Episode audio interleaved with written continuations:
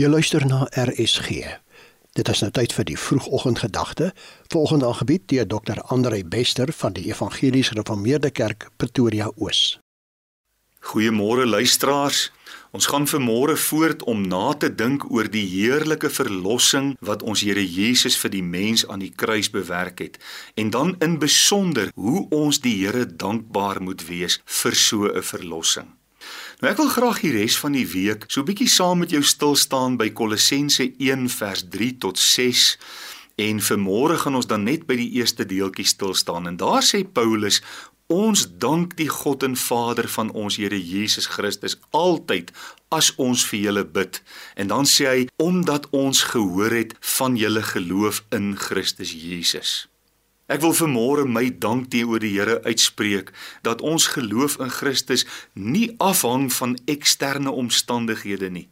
Nee, in Christus het 'n mens die vermoë om dankbaar te lewe ongeag die omstandighede waarin 'n mens jou bevind. So skryf Paulus in Filippense 4 vers 11 tot 13, want ek het geleer om vergenoeg te wees met die omstandighede waarin ek is Ek weet om verneder te word. Letterlik beteken dit ek weet wat dit is om in nederigheid benarde omstandighede te beleef in armoede.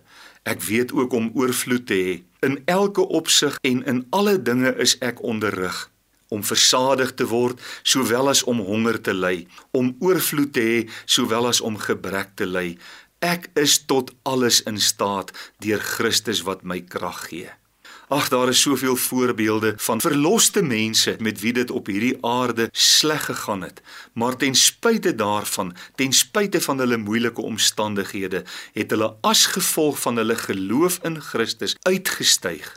En daar's die wonderlike wete dat niks ons ooit sal kan skei van die liefde van God wat daar in Christus vir ons is nie. As verloste mense het ons die absolute sekerheid ek is nooit alleen nie. Ja vriende, geen Christen gaan ooit alleen deur sy moeilikhede nie. Deur die verlossing in Christus weet ons dat hy in ons woon en ons verlosser staan nie van buite af en toe kyk wanneer dit moeilik gaan nie, maar hy gaan saam met ons deur elke omstandigheid.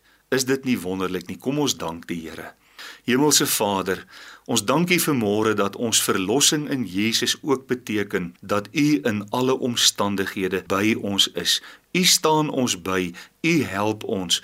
U staan nie net in toe kyk hoe ons swaar kry nie. Ons dankie daarvoor in Jesus se naam. Amen. Dit was dan die vroegoggendgedagte hier op RSG, aangebied deur Dr. Andre Bester van die Evangelies Gereformeerde Kerk Pretoria Oos.